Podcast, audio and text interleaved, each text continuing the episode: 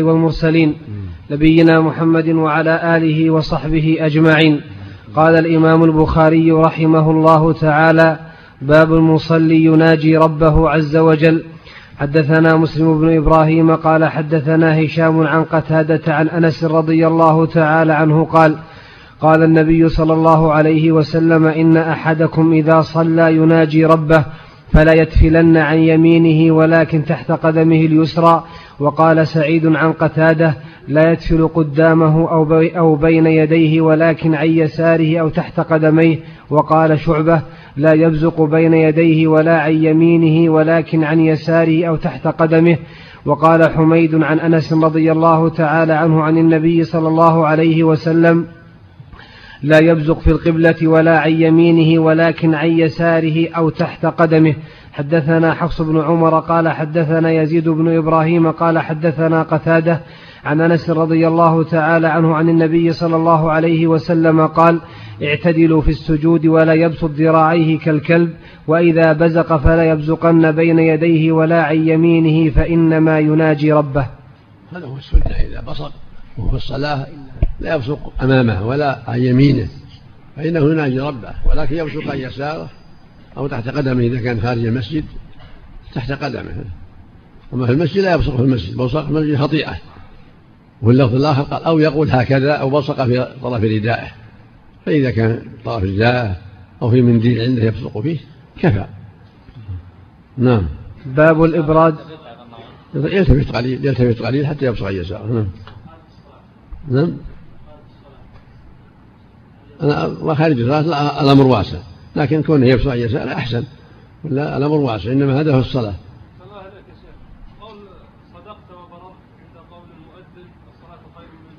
لا الصواب يقول مثل قوله الصلاة خير من النوم. صدقت وبرت هذه ما لها صوت مو صحيح. فيقول مثل ما مثل ما يقول المؤذن الصلاة خير من النوم.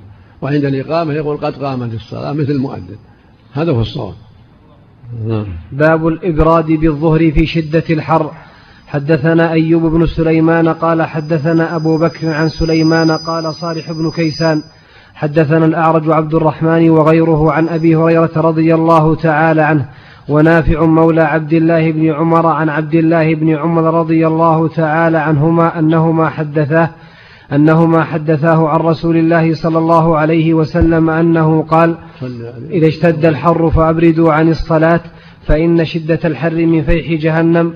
حدثنا ابن بشار قال حدثنا غندر قال حدثنا شعبة عن المهاجر بن عن المهاجر أبي الحسن سمع زيد بن وهب عن أبي ذر رضي الله تعالى عنه قال أذن مؤذن النبي صلى الله عليه وسلم الظهر فقال أبرد أبرد أو قال انتظر انتظر وقال شدة الحر من فيح جهنم. فإذا اشتد الحر فأبردوا عن الصلاة حتى رأينا فيء التلول.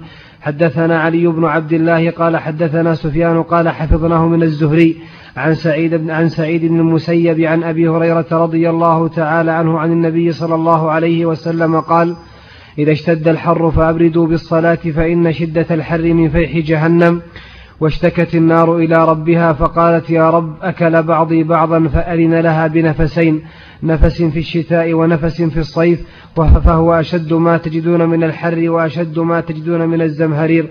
حدثنا عمر بن حفص. هذا يدل على شرعية الإبراد بالظهر عند شدة الحر في السفر وفي الحضر في البر وفي الحضر. لأن الربي فعل هذا في السفر والحضر جميعا. نعم قال حتى رأينا في الثلول. نعم. الله إليكم يؤخر الأذان. نعم.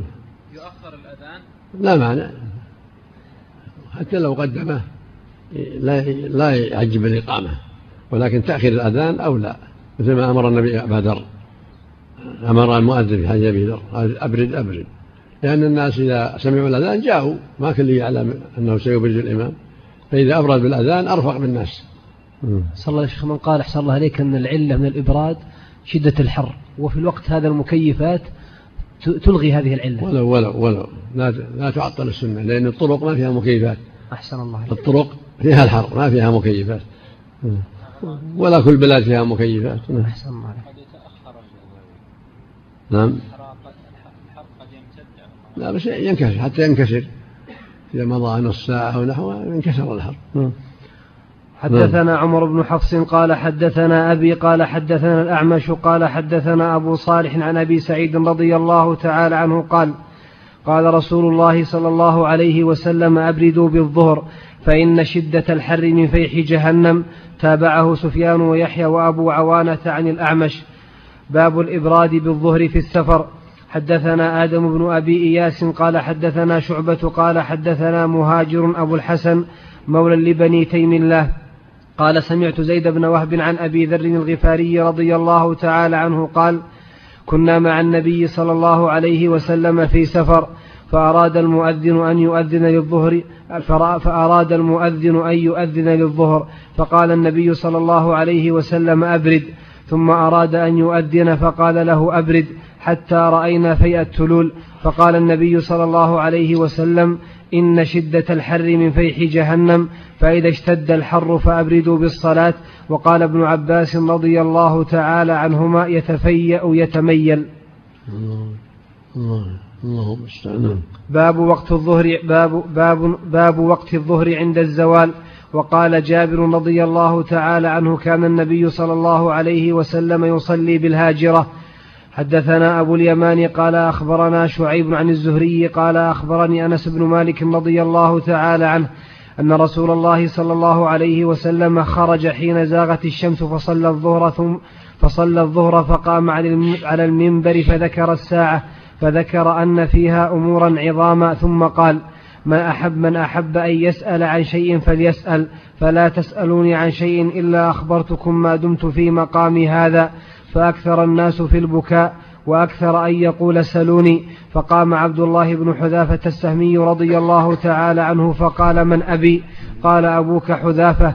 ثم أكثر أن يقول سلوني. فبرك عمر رضي الله تعالى عنه على ركبتيه فقال رضينا بالله ربا وبالإسلام دينا. وبمحمد نبيا فسكت ثم قال عرضت علي الجنة والنار آنفا في عرض هذا الحائط فلم أرك الخير والشر. اللهم صل عليه وسلم اللهم صل عليه وسلم نعم الله أكبر. نعم. حدثنا حفص بن عمر قال حدثنا شعبة عن أبي المنهال عن أبي برزة رضي الله تعالى عنه قال كان النبي صلى الله عليه وسلم يصلي الصبح وأحدنا يعرف جليسه ويقرأ فيها ما بين الستين إلى المئة ويصلي الظهر إذا زالت الشمس والعصر وأحدنا يذهب إلى أقصى المدينة رجع والشمس حية ونسيت ما قال في المغرب ولا يبالي بتأخير العشاء إلى ثلث الليل ثم قال إلى شطر الليل وقال معاذ قال شعبة ثم لقيته مرة فقال أو ثلث الليل.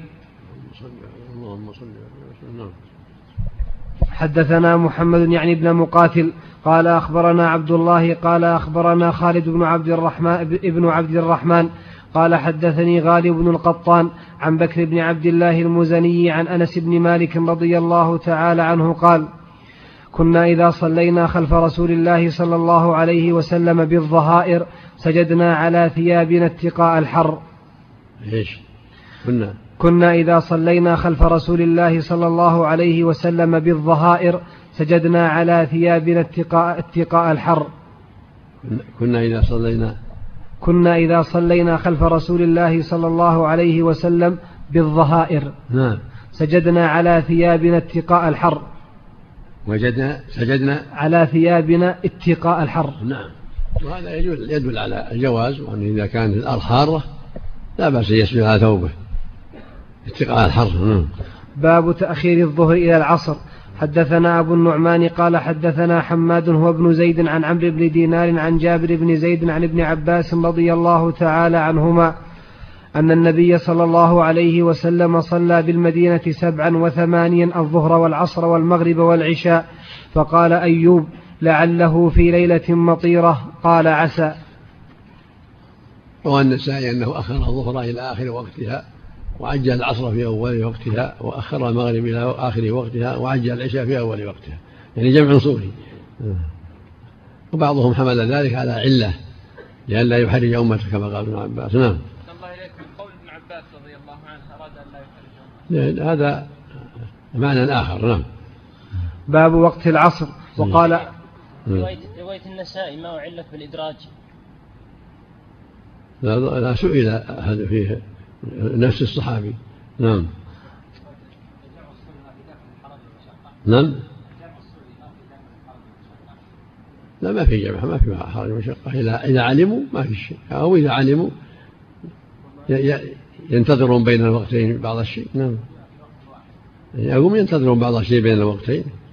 أحسن الله. حاشيتكم على فتح الباري عفى الله عنك. نعم. أقول حاشيتكم على فتح الباري في النسخة المطبوعة. رجحتم أن الجمع ليس صوريا نعم.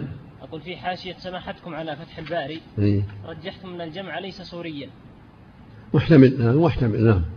لأن ابن عباس قال لئلا يشق على لئلا يحرج أمته نعم. الله إليكم.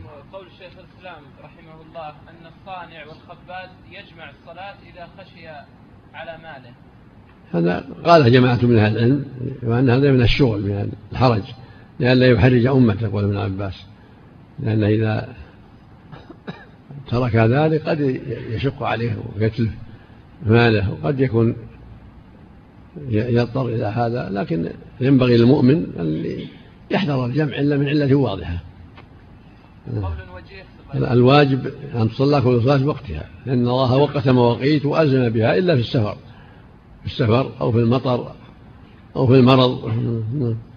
أما مع الصحة والإقامة فالواجب الحذر من ذلك إلا بعلة شرعية. إمام يصلي صلاة العشاء يبدأ من مساء وينتهي في الثانية صباحا. هل إيش؟ الإمام يصلي العشاء من بعد من الحادية عشر مساء إلى الثانية صباحا. هل إيش؟ يبدأ الصلاة من الحادية عشر مساء وينتهي في الثانية صباحا. العشاء؟ يعني من قبل نصف الليل إلى ما بعد نصف الليل. صلاة فريضة. ولا يتهجد؟ لا الفريضة مريض يعني؟ نعم. مريض؟ لا ما هو مريض. هو اعتاد إنه يصلي بالمصلي بالمؤمنين لا ما يجوز ما يجوز له. الواجب يصلي مع الناس ولا يجوز له آخر الوقت. مع الناس بارك الله فيكم. هو إمام ويصلي مع الناس من من بعد من قبل منتصف الليل إلى بعد منتصف الليل. يصلي مع الناس يصلي التهجد يعني يتهجد العشاء بارك الله فيكم. العشاء يصلي يصلون الناس مو هو الساعة 11 يمكنهم في مزرعة أحسن الله. ما في مزرعة إمام بارك الله فيكم أعتاد أنه يصلي بالمصلين.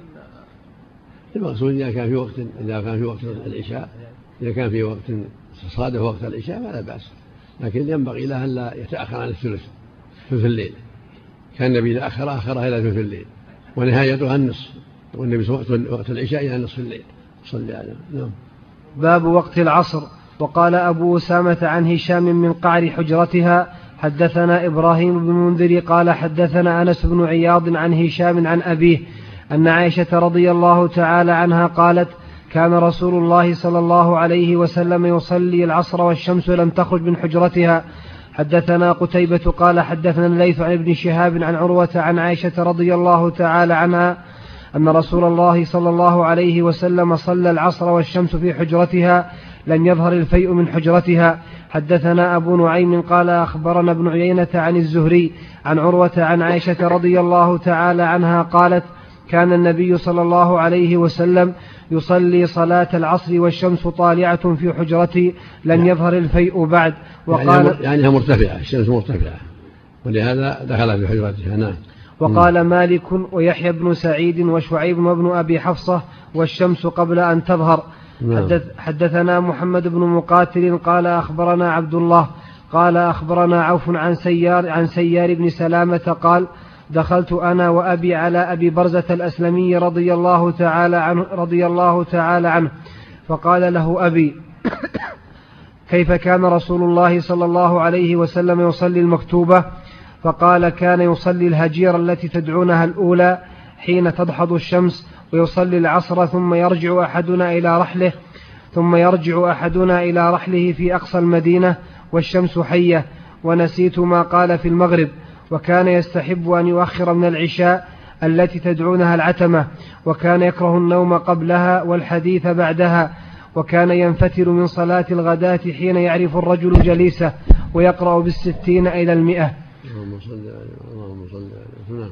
حدثنا عبد الله بن مسلمة عن مالك عن إسحاق بن عبد الله بن أبي طلحة عن أنس بن مالك رضي الله تعالى عنه قال كنا نصلي العصر ثم يخرج الإنسان إلى بني عمرو بن عوف فنجدهم يصلون العصر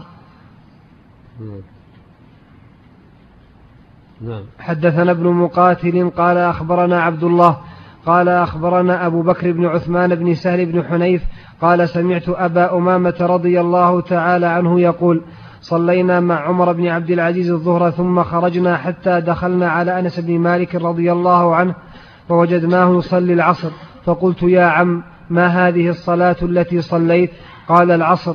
وهذه صلاة رسول الله صلى الله عليه وسلم التي كنا نصلي معه. كان عمر بن العزيز أمير على المدينة قبل خلافته وكان ربما أخر الظهر. فصادف أنه أخرها على رواية صيح بها. ولكن بعدما تولى الخلافة صار له حال أخرى رضي الله عنه نعم. حدثنا أبو اليمان قال أخبرنا شعيب عن الزهري قال حدثني أنس بن مالك رضي الله تعالى عنه قال كان رسول الله صلى الله عليه وسلم يصلي العصر والشمس مرتفعة حية فيذهب الذاهب إلى العوالي فيأتيهم والشمس مرتفعة وبعض العوالي من المدينة على أربعة أميال أو نحوه حدثنا عبد الله بن يوسف قال حدثنا عبد الله بن يوسف قال أخبرنا مالك عن ابن شهاب عن أنس بن مالك رضي الله تعالى عنه قال كنا نصلي العصر ثم يذهب الذاهب منا إلى قباء فيأتيهم والشمس مرتفعة. نعم هذا كله يدل على أن السنة تبكي بالعصر في أول وقتها نعم والشمس مرتفعة. نعم. باب إثم من فاتته العصر. حدثنا بركة سم الله عليك اللهم صل وسلم. نعم.